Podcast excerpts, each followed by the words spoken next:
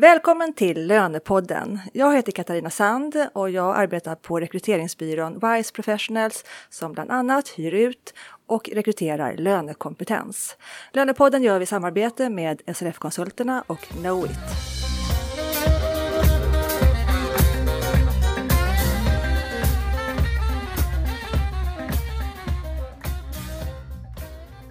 Det här är ett extrainsatt avsnitt med anledning av att regeringen presenterade ett stort stödpaket igår den 16 mars om 300 miljarder kronor som kommer att få stora konsekvenser för löneavdelningarna och det ska vi försöka reda ut i det här avsnittet.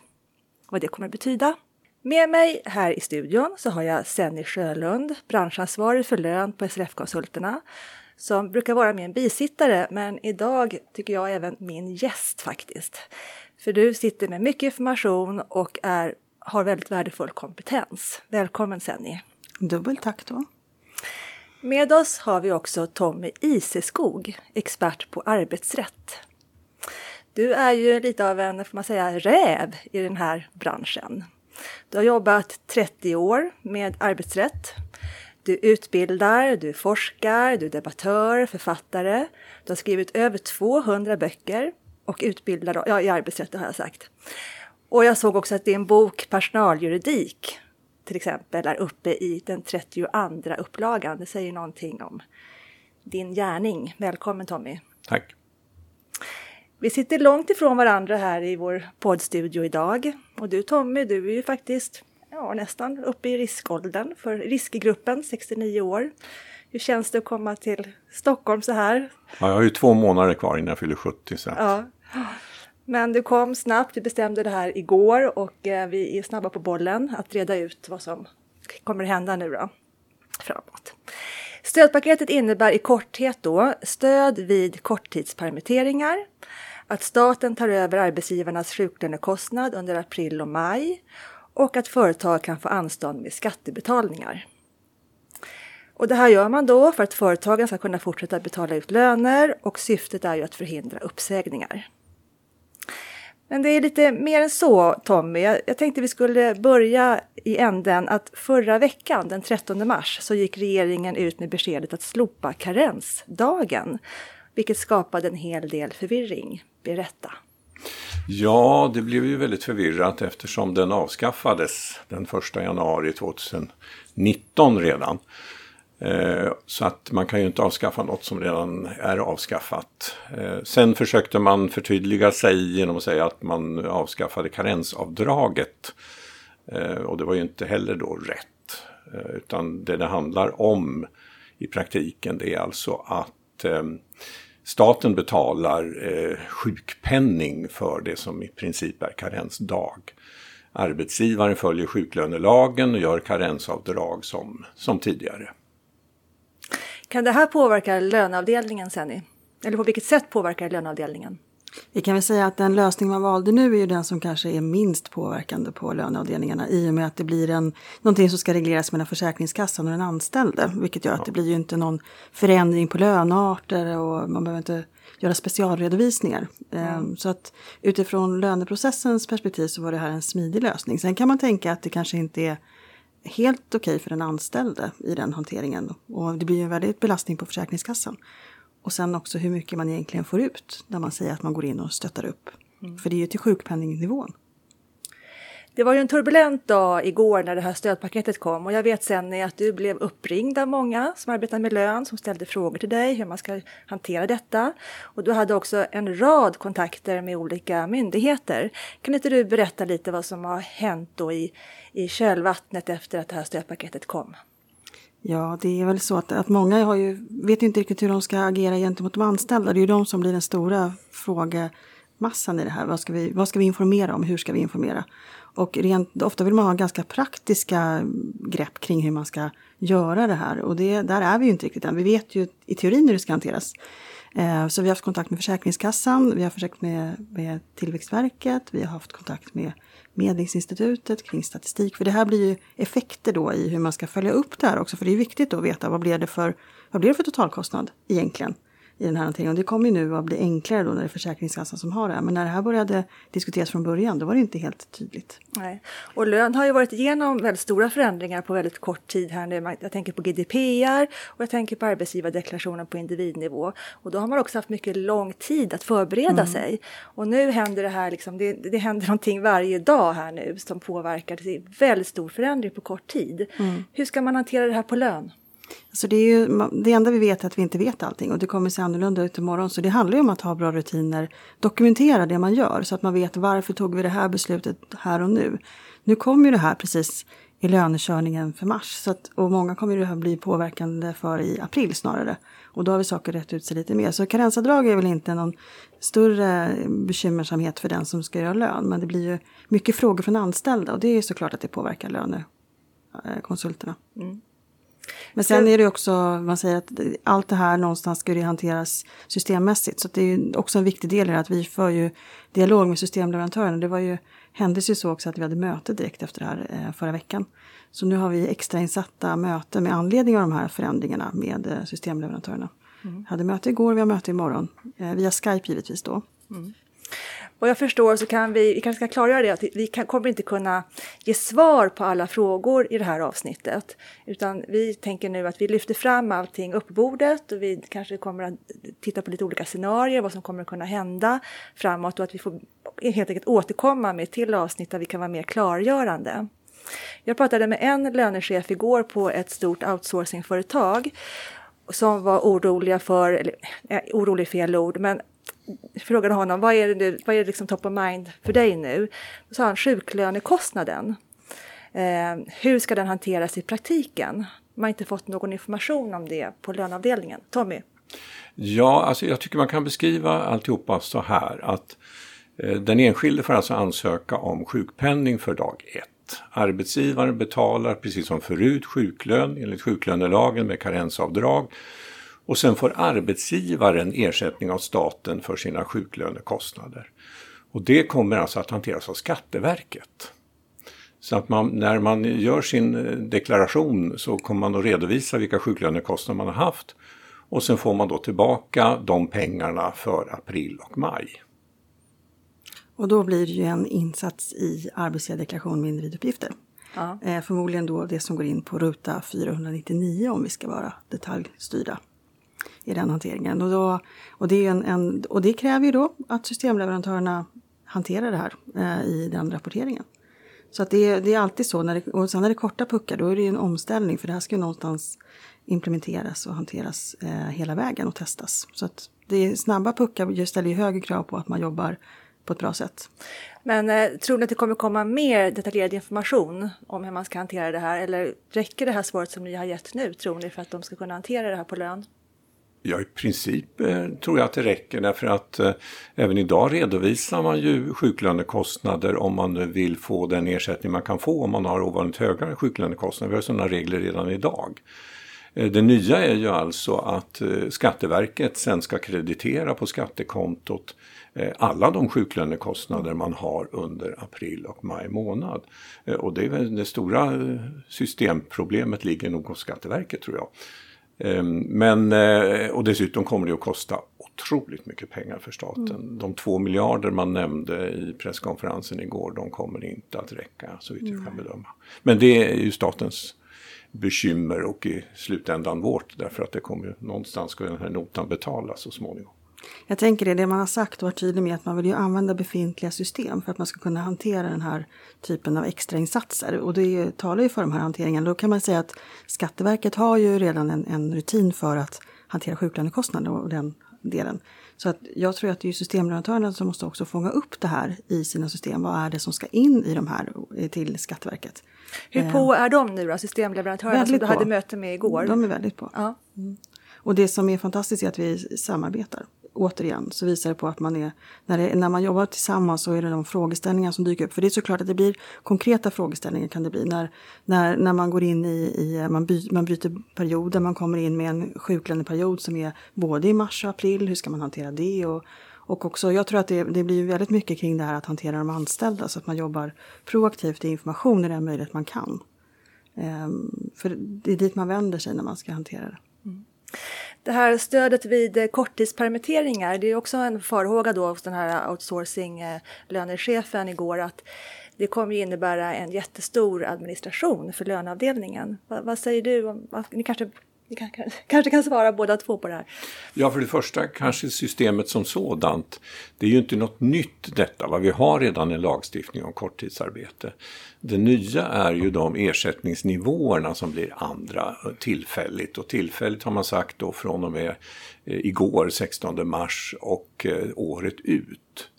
För att omfattas av systemet så ska man i princip träffa ett kollektivavtal. Man måste alltså komma överens med facken om vilken nivå man ska ha på arbetstidsförkortningen. Och då finns det tre alternativ, 20% 40% eller 60 eh, och, det är bara de nivåerna som gäller alltså. Har man inte kollektivavtal överhuvudtaget, då finns det en specialregel som säger att om 70 procent av de anställda accepterar den här typen av arbetstidsminskning med lönesänkning, ja då kan även en sån arbetsgivare få det här stödet.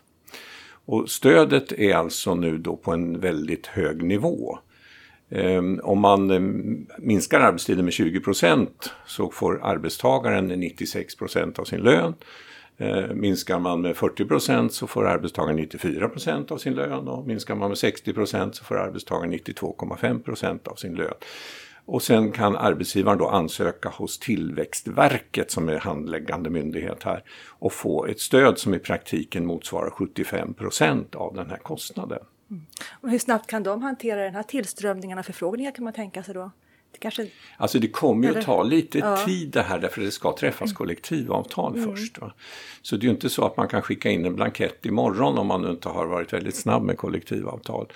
Och jag är ganska säker på att de fackliga organisationerna kommer att gå med på kollektivavtal men det kommer förmodligen att bli en diskussion. Vilka nivåer ska man ligga på, 20, 40 eller 60 procent? Och för olika yrkesgrupper. För, för i, i, vissa branscher så är det faktiskt tvärtom, att man har extra behov av arbetskraft mm. just nu. Eh, ta eh, pappersindustrin som tillverkar eh, toapapper mm. som ju då tydligen har blivit en, en smuggelvara i landet. Ja, precis. Eh, och du då Senja, vad säger du? Hur kommer det här med korttidspermitteringar, vad kommer det innebära för löneavdelningens arbetsbelastning tror du? Det är såklart att det kommer påverka för det är ju oklarheter även om jag tror, det, för man får en känsla av att det är inte bara regeringen som har suttit och diskuterat det man har haft med sig parterna i, i vissa av de här diskussionerna så man har ju förberett för det. Men det finns ju de här konkreta frågeställningarna. Jaha, hur blir det med semestergrundande? Hur blir det med, hur gör de med tjänstepensionsavsättningar? Det som inte syns i, enligt lagen, det som kommer utöver. Som Tommy säger så är det ju parterna som ska hantera det, men vi vet ju också att vi har ett antal kollektivavtal i Sverige. Eh, och vi går också in i en avtalsrörelse så att det är, det är liksom en ganska stor press på. Och ändå så är det väldigt hög eh, förväntan på att det här ska genomföras fort. För att vi, varför man inför det här, det är ju för att företagen inte ska eh, skapa eller få förutsättningar att de har likviditet. För att om inte företagen klarar av att gå runt då kan vi inte betala ut lönerna heller. Så att det, det är, det är att man måste få ut det här ganska fort och då blir det förmodligen retroaktiva aktivitetshanteringar här för att man någonstans ska kunna agera rätt här och nu och sen måste man då hantera det om det dyker upp saker i efterhand. Vi har ju, som statistik, det, man kan tycka att det är, liksom en, det är en, en parameter in i det här men statistiken ligger ju till grund för allt det vi gör bedömningar kring och där måste man ju veta hur ska man rapportera det här då statistiskt sett? Eh, vad, vad, blir det, går man ner i en sysselsättningsgrad tillfälligt eller är det så att man får ett löneavdrag? Eller är det, som det ser ut nu så pratar man ju mycket om på hos systemleverantörerna för att vi går mot att man har lö, speciella lönearter för det här då för att hantera det. Eh, I och med att du har ju din tjänst i botten. Men, men eh, vi men det som komplicerar ytterligare det är de lönespecialister som sitter själva och mm. hanterar lön och till och med har da, kanske flera kollektivavtal. Mm. Jag vet att de, det finns de som har 14-15 kollektivavtal mm. och ännu fler kanske mm. att hantera på en löneavdelning och där kanske det ställer till problem ytterligare. Ja, alltså, och den, sen är det också så att eh, vi har ju ofta nämnt det här med att man kanske inte har förståelse för vad lön har för uppgifter. Att det är någonstans, vi, vi sa det lite grann, att man är sist på bollen. Eh, vilket innebär att man, det fattas beslut och sen ska det någonstans göra... Eh, det ska liksom, bara hanteras. Precis. Mm. Och det är inte alltid enkelt när det är korta puckar och man har förväntan och man vet att det är förväntan både från företagsledning och anställda att det här ska fungera. Mm. Och då sätter ju det press på. Så här gäller det att man har en, ett tydligt ledarskap även i, i mm. löneprocessen. Och här tycker jag det passar att vi även kan ta in löne, de som jobbar med lön, de är ju även medarbetare. Mm på ett företag. Alltså den här arbetsmiljöfrågan med att kunna jobba hemifrån på distans. Det är många stora löneavdelningar som har förberett för det redan, man kan det.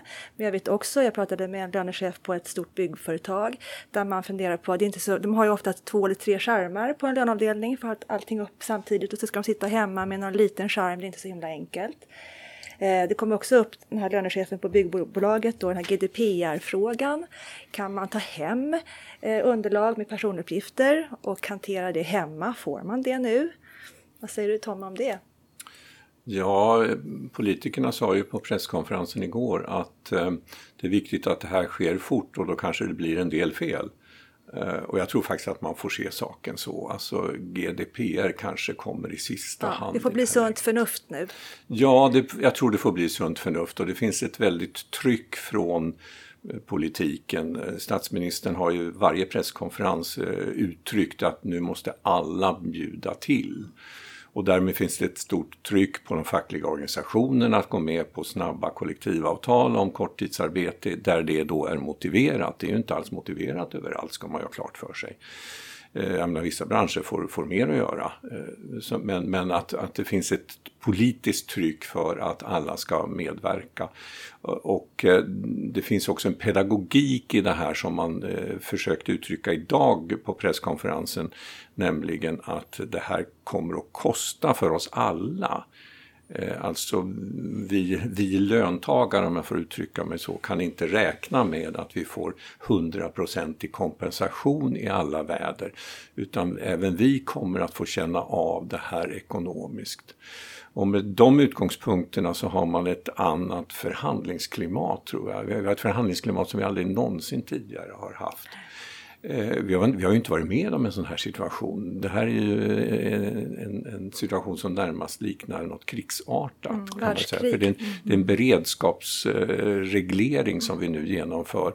Mm. Och dessutom med en riksdag som har bantat till 55 mm. ledamöter. Alltså det finns ju kris eh, på mm. anslagstavlan överallt. Och då tror inte jag att GDPR mm. är huvudnumret. Nej, och, men sen får man ha förståelse för att man är ju där man är i sin yrkesroll. Ja. Och då blir det ju gärna så att man går till sig själv och ser vad har jag för skyldigheter, vad ska jag göra, jag måste göra korrekt. Och den här kategorin, eh, vi är ju sådana många som jobbar med lön, att man ska göra rätt och riktigt och man vill ha, man vill ha, det, man vill ha en trygg hantering och veta att det är okej. Men jag, jag tänker också precis som du säger, som Macron var inne och sa, han, han var ju uppe med att det här är ett krig. Mm. Eh, och att vi måste hantera det här på ett bra sätt. Och, och det, det, är, det låter ju ganska drastiskt, men någonstans så måste man ju sätta det i perspektiv. Vi är ju inte de som utgör eh, kärnan i att det här ska eh, justeras med eh, hälsoincitamenten. Liksom, man tänker på hela vårdpersonalen. Men det de vårdpersonalen förtjänar är ju att de som jobbar med lön för dem gör det på bästa sätt. Så att det man kan göra och bidra med är att man ser till att den expertis man har, att man kan hjälpa till att bidra så att det blir så lite, lite konsekvenser som möjligt. Och ibland kan man inte se vilka konsekvenserna blir och då måste man göra utifrån bästa förutsättningar som finns. Och sen ska vi komma ihåg att på lön kan man ju faktiskt alltid efterjustera. Ja. Mm. Så det är liksom inte någon fråga på liv och död. Riktigt. Nej, och sen tänker jag, vi, vi, man kan konstatera när vi kom in här så sa det att eh, även om det här är det är liksom det samhälle vi lever i som har gjort att det blir en spridning på det här sättet med globaliseringen. Men det är också så att det har ju möjliggjorts av att vi har en helt annan typ av teknik. Så på löneavdelningarna idag så är det ju inte ovanligt att du faktiskt kan sitta hemifrån och jobba. Även om du då måste ta med ett papper någon gång ibland så, så är det så förutsättningarna idag jämfört med tio år sedan är ju otroligt stor skillnad på.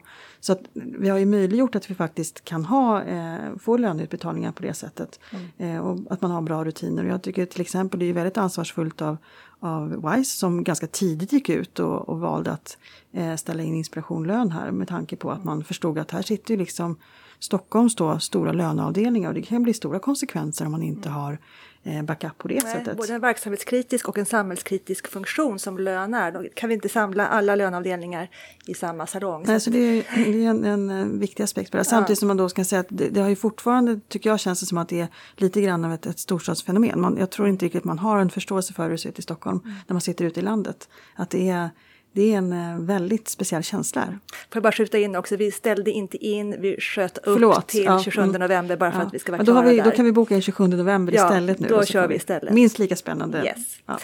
Eh, I stödpaketet också då så ingår det här med att företag kan få anstånd med skattebetalningar. Eh, anstånd med betalning av skatter som arbetsgivaravgifter, preliminärskatt på lön och mervärdesskatt. Jag bara tänker, hur, kan det, hur påverkar det lön direkt? Blir det något merarbete kring det? Nej, alltså Skatteverket har ju sagt att de har fått, redan nu fått väldigt mycket förfrågningar om att göra det här. De har fått anståndshantering och de säger att det kommer inte hanteras förrän dess att det faktiskt träder i kraft. Eh, så att eh, vi har ju ett eh, möte med Skatteverket här i slutet på veckan för att se vad det kan bli för konsekvenser. Men eh, det är klart att det här regleras ju på skattekontona eh, på ett annat sätt. Så att där är den. Men, men det är återigen, vi, vi är ju de som ska ge korrekta underlag så att det, man får rätt förutsättningar på det sättet. Så att, Ehm, men det är en, en, ehm, det är en drastisk åtgärd med, från Skatteverket. Vad säger du Tommy, vad har du eh, mött de här senaste dagarna? Vad, vad tänker du på? Ja, det är ju förvirringen som uppstod eh, kring de här politiska beskeden med karensdag och karensavdrag och läkarintyg. Det är också viktigt att påpeka mm. att eh, kravet på läkarintyg kommer att tas bort. Det är ju formellt inte borttaget men vi kan väl räkna med att även det beslutet får en retroaktiv verkan. Det är inte sagt eh, hur det kommer att se ut men vi kan utgå ifrån att det inte finns något krav på läkarintyg längre när det gäller rätten till sjuklön då från de åttonde sjukdagen. Och även om man ska vabba va? så var det något mm. också kom igår. Mm. Försäkringskassan, hur var, hur var det med den? Det, det, det, sa man, jag har inte hittat det bekräftat någonstans, Nej. men man sa att det var så att, eh, att man inte behöver ha läkarintyg när man vabbar efter åttonde dagen. Men, men eh, som sagt, och sen vet vi ju inte, det kan ju komma nya förslag för de, det är såklart att, att vi är pressade. Men Tommy, hur kunde det bli så fel då förra veckan när regeringen går ut och pratar om det här att det, man ska ta bort karensdagen. Ja, det här visar ju då eh, på, tycker jag, att eh, vår grundlag är ganska viktig. Alltså vår grundlag säger att, eh, att politiska beslut av, av lagkaraktär, de måste vara beredda. Det måste finnas ett beslutsunderlag som, som då är, är berett av de experter som regeringen har. Och så var det då inte här, utan här gick ju politiken på, eh, vis, visserligen i en överenskommelse eh, med samtliga partier så vitt man kan bedöma, men ändå, man klev liksom på och sa att så här ska det bli utan att man hade då berett frågan överhuvudtaget. Så att handläggarna på regeringskansliet var ju precis lika tagna på sängen som Men visst andra. ringde du upp dem? Berätta. Jag pratade med dem ja. ja, och där konstaterade man att man alltså hade bara fått reda på att det skulle bli så här men inte på vilket sätt. Och, och eh, där konstaterar ju då handläggarna så småningom naturligtvis att eh, det handlar inte om, om att arbetsgivaren inte ska göra karensavdrag utan det handlar om att Försäkringskassan ska betala sjukpenning för det som motsvarar en, en karensdag. Eh, och det kan man ju då tycka att politiken kanske borde ha pratat med de här eh, tekniska experterna innan man formulerade sig. För det blev ju väldigt förvirrat och det dröjde alltså två dygn innan regeringen förklarade sig vad man menade.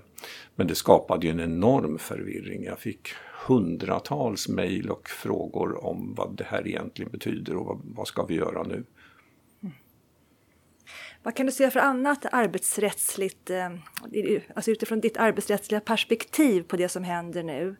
Eh, jag tänker på det här stödpaketet och om du kan säga någonting om hur det kan påverka HR, lön eller någonting annat ur ditt perspektiv. Alltså, många frågor har ju handlat om arbetsskyldighet. Har man rätt att jobba hemifrån? Eh, hur ser arbetsskyldigheten ut om man blir beordrad att gå till jobbet när man blir, är rädd för att bli smittad för man kanske har någon anhörig som tillhör riskgrupp och så vidare. Och det är ju rättsläget det alltså att, att man har ju skyldighet att eh, gå till jobbet. Arbetsgivaren har ju rätt att leda och fördela arbetet på det viset. Sen har ju de flesta arbetsgivare naturligtvis gjort vad man kan för att skapa möjligheten att jobba hemifrån. Eh, och eh, till och med beordrat eh, arbetstagare att jobba hemifrån. Och, och, och vänder vi på den steken så kan vi konstatera att en arbetsgivare kan i princip då beordra en arbetstagare att arbeta hemifrån i ett sånt här läge. Man kan till och med då ta en person ur tjänstgöring som det heter om det skulle uppstå en konflikt när personen vägrar göra det ena eller det andra. Men där tror jag inte vi har hamnat i någon nämnvärd utsträckning utan det här, här, här använder man ju sunt förnuft vilket ju naturligtvis för en jurist är lite överraskande eftersom det är ju inte den normala eh, Nej. tolkningsprincipen. Nej. Jag vill tillägga det med karensavdraget. Det man skulle kunna tänka att det blir en, en konsekvens av det är ju högkostnadsskyddet också. Där vi ska ha koll på antalet eh, karensavdrag. Um, så där måste man ju, i och med att det sköts mellan Försäkringskassan. Men nu är det så, om man registrerar i systemen så borde det inte vara något bekymmer i den hanteringen. Mm när, när igår då, den 16 mars sen, när du fick samtal utifrån landet från olika löneavdelningar. Vad var liksom den, den, den fråga som kom flest gånger? Vilken var det?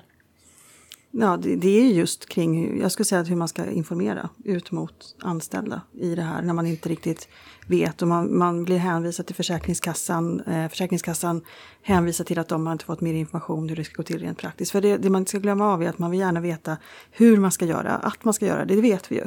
Men det är huret som man vill komma fram till och då är det ju viktigt att man då enas i att man har en gemensam information på olika sätt. Och, och, det tror jag är viktigt. För att likväl som vi pratar om pedagogik så är det ju väldigt mycket psykologi i det här också. Mm.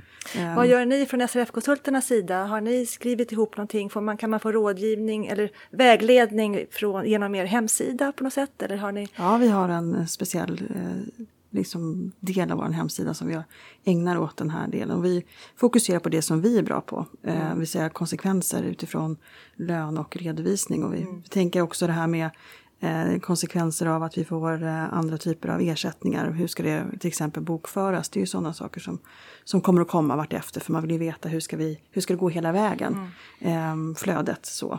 Eh, sen så tycker jag att man ska lämna de här andra råden, det ska man ju lämna till de som är experter på sina områden. Ja. Eh, så vi tar de delarna som vi kan vara med kring.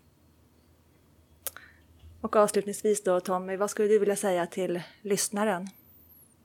Ja, att ta till sig den information man får via de kanaler som man litar på. Eh, det förekommer väldigt mycket konstig information i sociala medier som man ska akta sig för tycker jag. Ehm, jag tycker att eh, i allt väsentligt så har eh, myndigheterna skött informationen väl. Man kunde önska då att det hade varit en, en säkrare information när det gäller bland annat som vi nämnde tidigare karensdag och karensavdrag. Men, men i allt väsentligt tycker jag att informationen har varit bra. Ehm, jag har ju själv eh, lämnat information på, på LinkedIn som, som jag tror har, har uppskattats. Du hade nästan 40 000. Ja, det är faktiskt 50 000 mm. visningar nu på ja, mitt på senaste inlägg. Som du la ut i, här nu i lördags den 14 mars. Ja. Mm. LinkedIn skulle jag säga och gå precis som Tom är inne på, gå in på dem där du litar på dem som har trovärdig information. Ja. Det tror jag, LinkedIn har jag också upplevt som ett väldigt ja. bra. Och sen det som du sa till mig igår att det enda vi vet är att vi inte vet så mycket just nu. Så att eh, det vi har gjort nu är att försöka lyfta det som är på bordet, det som är, ja, det som är på gång nu där ute. Eh, men vi måste få be återkomma helt enkelt. Ja, för det kan komma nya åtgärder också. Ja. Även om vi har fått lite klarhet i vissa delar här så kommer det ju säkerligen inte vara det sista som händer. Eh, beroende på hur utvecklingen blir då. Men det här det är ju inte så många som vet hur länge vi håller på. Mm. Ja, framförallt tror jag att man kommer att förlänga de här insatserna. Om vi nu mm. tar sjuklönekostnaderna så säger man ju nu april och maj. Det kan alltså mycket väl bli betydligt längre tid. Eh, och, så att eh, det får man utgå ifrån. De beslut som tas nu det är ju med den beslutshorisont som politiken tror sig ha just nu men den kan ju se helt mm. annorlunda ut nästa vecka. Det måste vi ha respekt vecka. för att det, det går, det, det, går fort nu men ja. alla gör sitt bästa. Men jag vill också lägga in en, en, grupp, vi har ju några som faktiskt jobbar som egna på, inom lön också. Eh, och där ser vi också att det kommer förslag som gynnar de som är egenföretagare, att man inte glömmer av dem i det här. För vi har ju ofta fokus på de stora företagen, vi har fokus på de anställda, löntagarna som många säger. Så också att man ser över att de här små företagen också får bra förutsättningar. Det är viktigt. Jätteviktigt. Och där har vi på Vice Professionals faktiskt precis tagit initiativ till ett sånt eh, till en sån tjänst helt enkelt, en akut lönetjänst. Mm. Eh, och där är det många underkonsulter som är intresserade av att vara med eh, och ställa upp och hjälpa till i akuta lägen på löneavdelningar. Och det tror jag är jätteviktigt just att, och det handlar ju om att man då också kan kliva in enkelt i en roll på ett företag och då måste man ha bra rutiner. Det är, ja. Och också glöm inte att dokumentera det man gör. Mm. för att precis som vi är inne på att det här gäller här och nu, det kan förändras framöver och då måste man veta vad man tog för beslut. Mm. Um. Jag tänker bara på en sista fråga nu, kan det hända att en, en större löneavdelning måste korttidspermittera på lön? Alltså jag tänker, Scandic Hotel varslar 2000 personer, de här branscherna nu som drabbas väldigt hårt, SAS, att man inte helt enkelt har arbete till lön, löneavdelningen, kan det bli, kan det bli så, så illa? Alltså alla kan ju drabbas på längre sikt. Kortsiktigt mm. tror jag att det blir väldigt mycket som behöver hanteras. Eh, men det är väl ingen som vågar sitta och säga att, att, man blir oberörd. Det tror jag inte. Jag är precis på samma den här att vi kommer ju alla bli berörda på något sätt. Mm. Ja, och korttidsarbete löser ju inte alla problem. Så att vi får ju vara beredda på att det blir varsel och uppsägningar mm.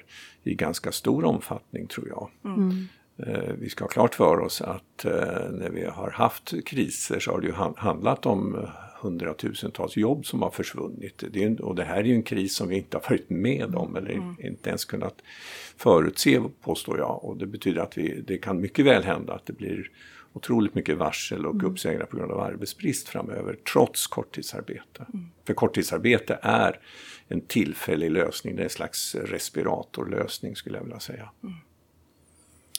Okej. Okay. Ska vi mm. avrunda? Är det något, något avslutande som du vill säga till lyssnaren? Ja, det är ju att eh, vad ska man säga i de här tiderna? Håll modet uppe. Ja, man vill ju gärna säga något liksom, Kämpa på där ute. positivt i det här. För ja. det är en, en, men jag tänker att det som, är, det som är häftigt med såna här, när det händer kriser, är ju häftigt när man ser att man samlas och försöker lösa saker och ting. Eh, kreativiteten flödar ofta och att man också får, man får se tillbaka lite på sig själv och inte kanske gå på de här detaljerna så mycket utan se vad, vad blir bäst i det stora hela. Ja. Skulle jag säga. Vi jobbar tillsammans i detta. Och mm. du Tommy, vill du säga något avslutande? Ja, alltså trots att jag är jurist så skulle jag vilja rekommendera att man tänker väldigt mycket personalpolitiskt. Vad är vettigt? Vad är medmänskligt? Men också då att alla vi kommer att beröras och drabbas. Vi kan inte räkna med att vi får hundraprocentiga kompensationer för de skador som uppstår här. Eh, men kombinerar man detta och dessutom lägger på lite sunt förnuft då tror jag det kommer att gå ganska bra. Mm. Stort tack hörni, Tommy Iseskog och Senny Sjölund. Och eh, jag hoppas att vi kan vara tillbaka snart igen med ett avsnitt för att, eh, ja, som är ännu mer klargörande helt enkelt. Tack så mycket. Hej då! Hej då!